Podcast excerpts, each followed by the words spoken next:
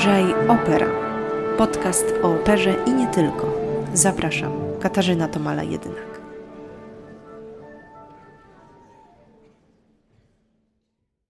Witam Was bardzo serdecznie. Znamy się już trochę lepiej. Mam nadzieję, że ci wszyscy, dla których temat opery był zupełnie obcy, mają już pierwsze refleksje, że może opera nie jest faktycznie taka archaiczna i niedostępna, i nawet już w myślach planują, na co by tu się wybrać do teatru, kiedy wszystko wróci do normy.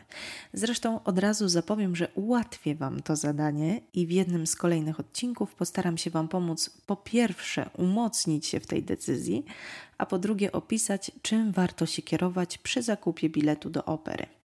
A dziś trochę więcej o kulisach pracy w teatrze, o tym, jak wyglądają próby, kto decyduje o ostatecznym kształcie przedstawienia, o wszystkich ważnych osobach, bez których spektakl operowy nie ma szans się odbyć i o relacjach, jakie istnieją między twórcami. Zacznijmy od modelu pracy w operze.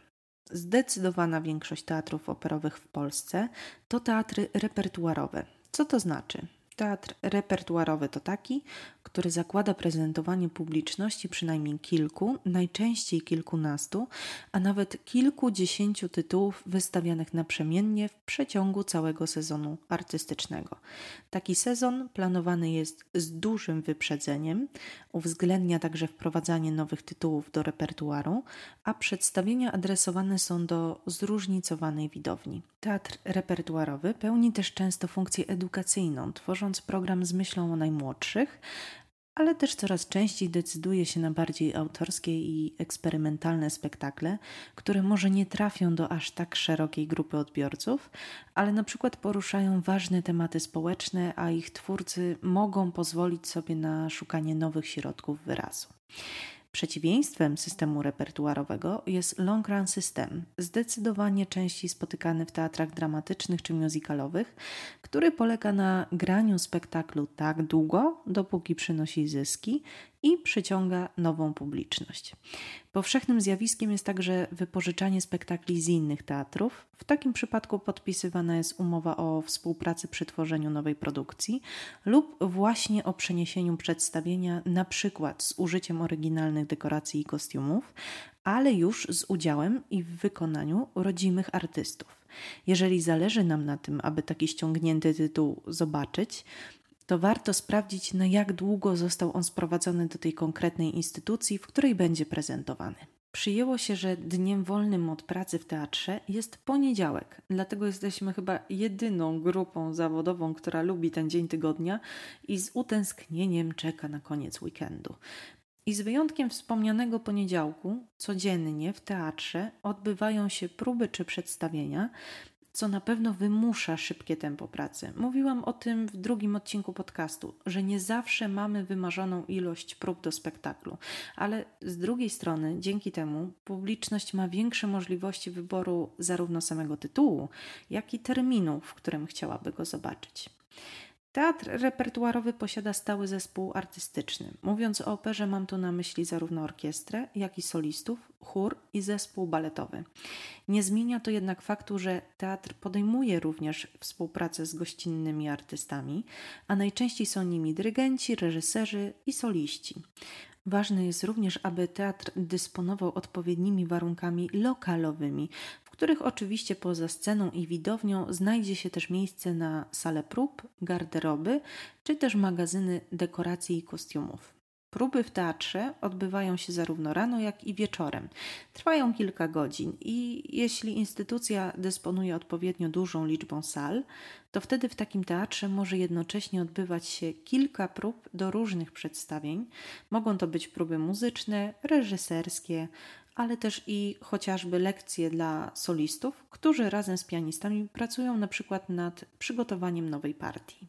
Teraz skupimy się na spektaklach premierowych. Zrealizowanie nowego tytułu zazwyczaj zajmuje czas około miesiąca, może półtora, no w porywach do dwóch. To już jest zależne głównie od tego, jak trudna jest to opera, patrząc na to zarówno od strony muzycznej, jak i technicznej. Mówiąc miesiąc, Mam na myśli czas, w którym wszyscy realizatorzy i wykonawcy spotykają się już w teatrze i zaczynają ze sobą próby, ale tak naprawdę cała ta machina produkcyjna rusza dużo, dużo wcześniej, bo przecież musi być czas na zaplanowanie obsady, zaprojektowanie kostiumów, nauczenie się partii, zamówienie materiałów nutowych itd. Tak itd. Tak Takie planowanie z wyprzedzeniem jest bardzo potrzebne, szczególnie jeśli zależy nam na sprowadzeniu do teatru uznanych artystów, którzy zazwyczaj mają wypełnione kalendarze na kilka lat do przodu. Osobiście raz zdarzyło mi się współpracować przy produkcji nowego spektaklu,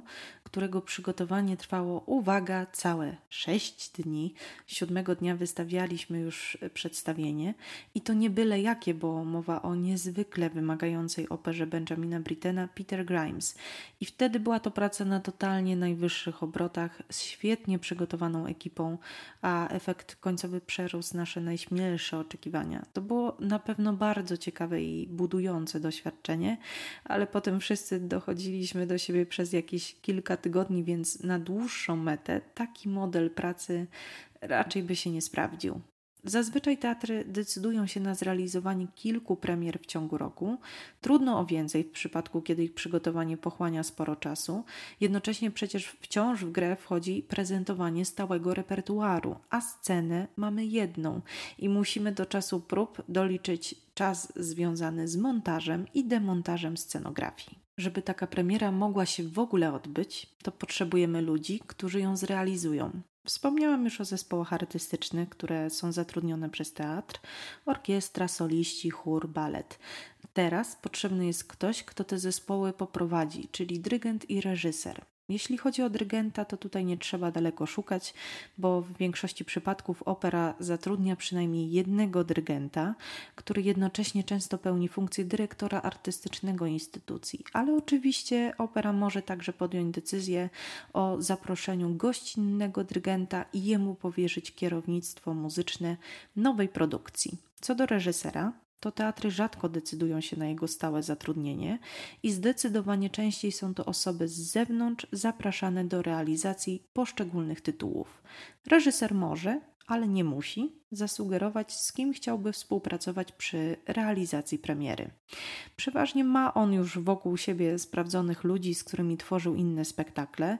Chodzi tu m.in. o scenografa, choreografa, asystenta reżysera, czy też reżysera świateł. Bywa, że reżyserzy z góry narzucają, że podejmą współpracę z teatrem tylko wtedy, jeśli właśnie wśród realizatorów znajdzie się jego ekipa. Jest to jak najbardziej normalna sprawa, zresztą Zresztą możemy wtedy liczyć na to, że praca będzie przebiegała sprawniej i bezkonfliktowo, przynajmniej między uczestnikami tej właśnie grupy realizatorów, bo jeśli chodzi o relacje dyrygent-reżyser, no to tu, drodzy Państwo, bywa różnie i określając to w ten sposób, wzbijam się na wyżyny dyplomacji. W pierwszej chwili możecie sobie pomyśleć, a co ma reżyseria do muzyki? Bardzo dużo.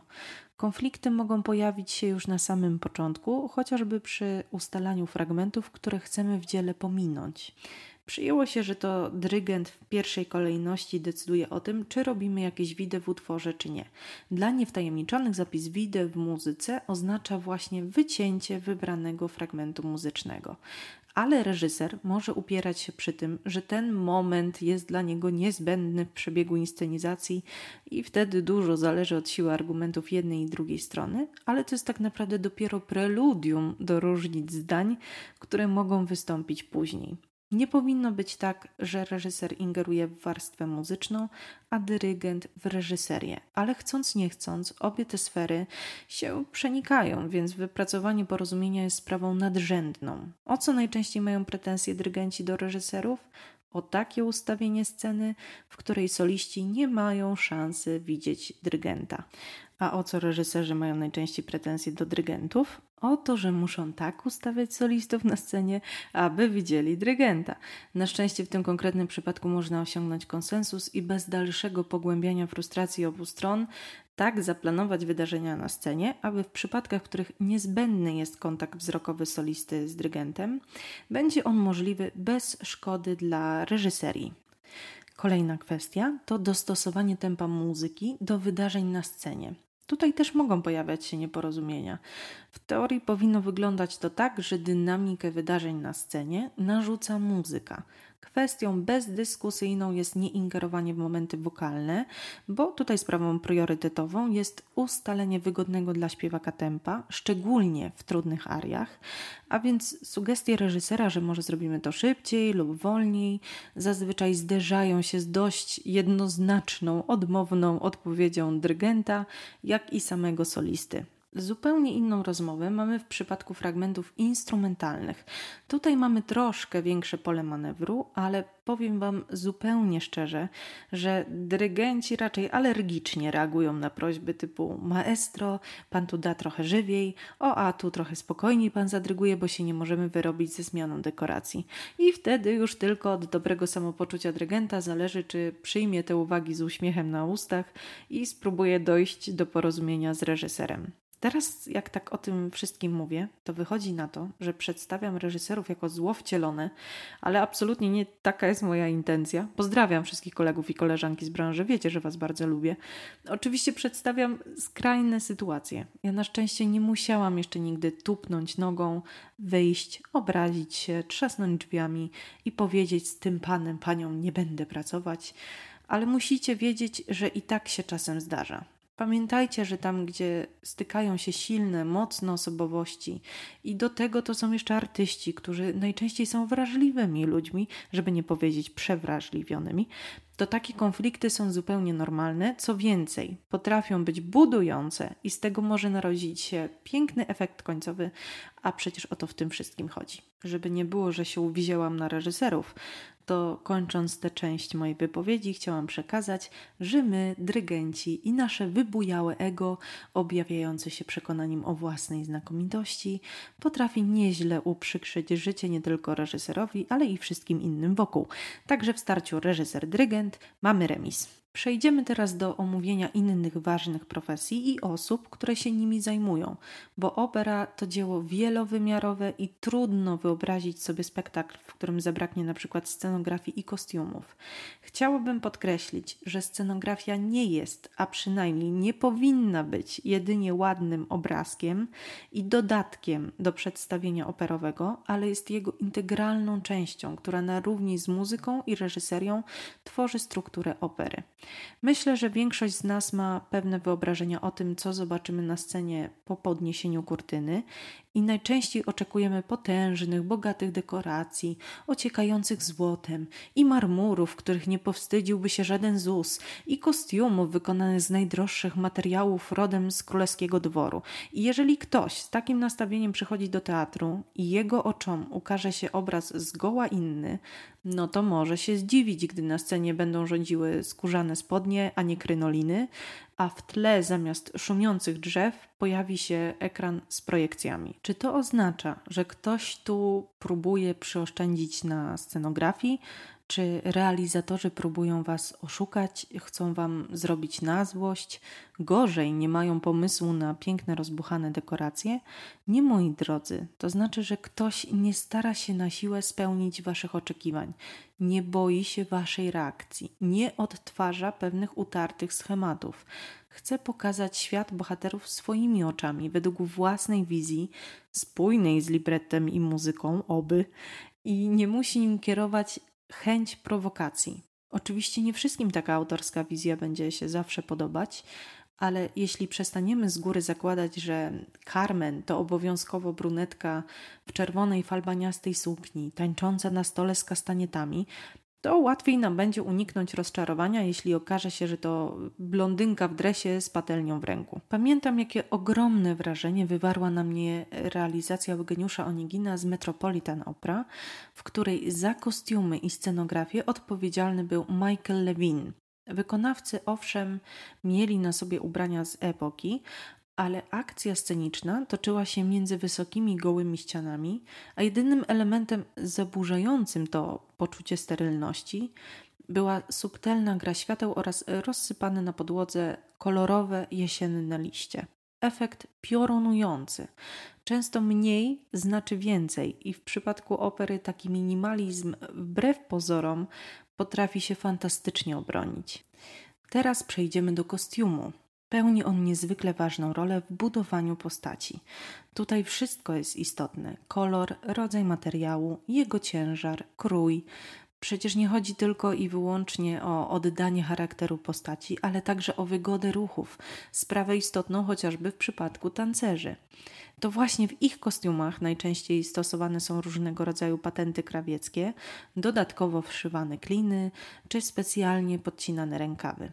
Kostiumy są szyte na miarę. Wykonanie niektórych z nich bywa naprawdę pracochłonne i wymaga od mistrzów krawiectwa sporych umiejętności. Tym bardziej, że do przedstawienia przygotowuje się często kilka kompletów kostiumów i już na scenie podczas finalnych prób podejmowane są decyzje o niezbędnych przeróbkach, a nawet i całkowitej zmianie projektu. Oczywiście wpadki się zdarzają i nawet podczas przedstawienia kostium może ulec zniszczeniu, na szczęście w takich momentach można liczyć na kogoś z zespołu garderobianych, kto będzie w pełnej gotowości czuwał za kulisami, dzierżąc w ręku igłę i nitkę, aby służyć pomocą w nagłych przypadkach. Swoją drogą jest to kolejna ważna profesja w teatrze, nie tylko operowym, która ma swoją piękną oficjalną nazwę, mianowicie rzemieślnik teatralny w zawodzie garderobiany, garderobiana.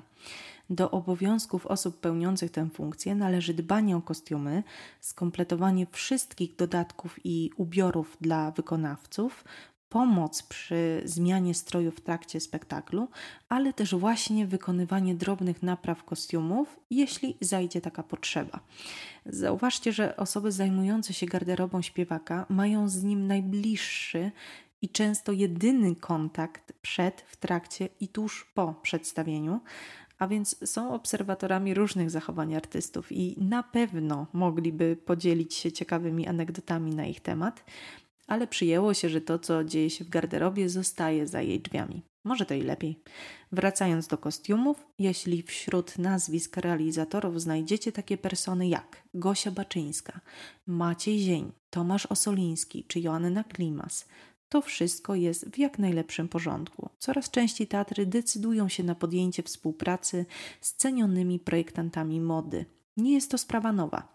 Projekty kostiumów operowych tworzyła sama Coco Chanel, co kontynuował zresztą kolejny dyrektor domu mody Chanel, Karl Lagerfeld, prywatnie wielki miłośnik muzyki klasycznej. Mówiąc o modzie, dobrze jest wspomnieć o profesji, którą niestety para się coraz mniej osób. I z przykrością muszę stwierdzić, że jest to zawód, który umiera śmiercią naturalną, mimo zapotrzebowania teatrów na specjalistów w tej dziedzinie. Modysta. Ktoś, kto tworzy nakrycia głowy i wykonuje czynności związane z ich renowacją.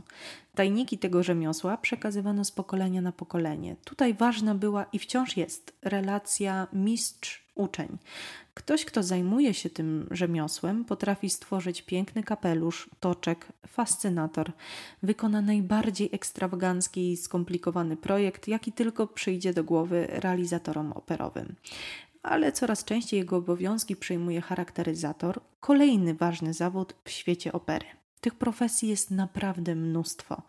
Na sukces przedstawienia pracują przecież także m.in. inspicjenci, kierownicy produkcji, chórmistrzowie, korepetytorzy, rekwizytorzy, oświetleniowcy, akustycy, stolarze, ślusarze, montażyści dekoracji każdej z tych specjalizacji powinnam tak naprawdę poświęcić oddzielny odcinek i kto wie, może w niedalekiej przyszłości tak się właśnie stanie. Chciałabym, żeby mój dzisiejszy monolog uświadomił Wam, że w operze nie ma wygranych i przegranych.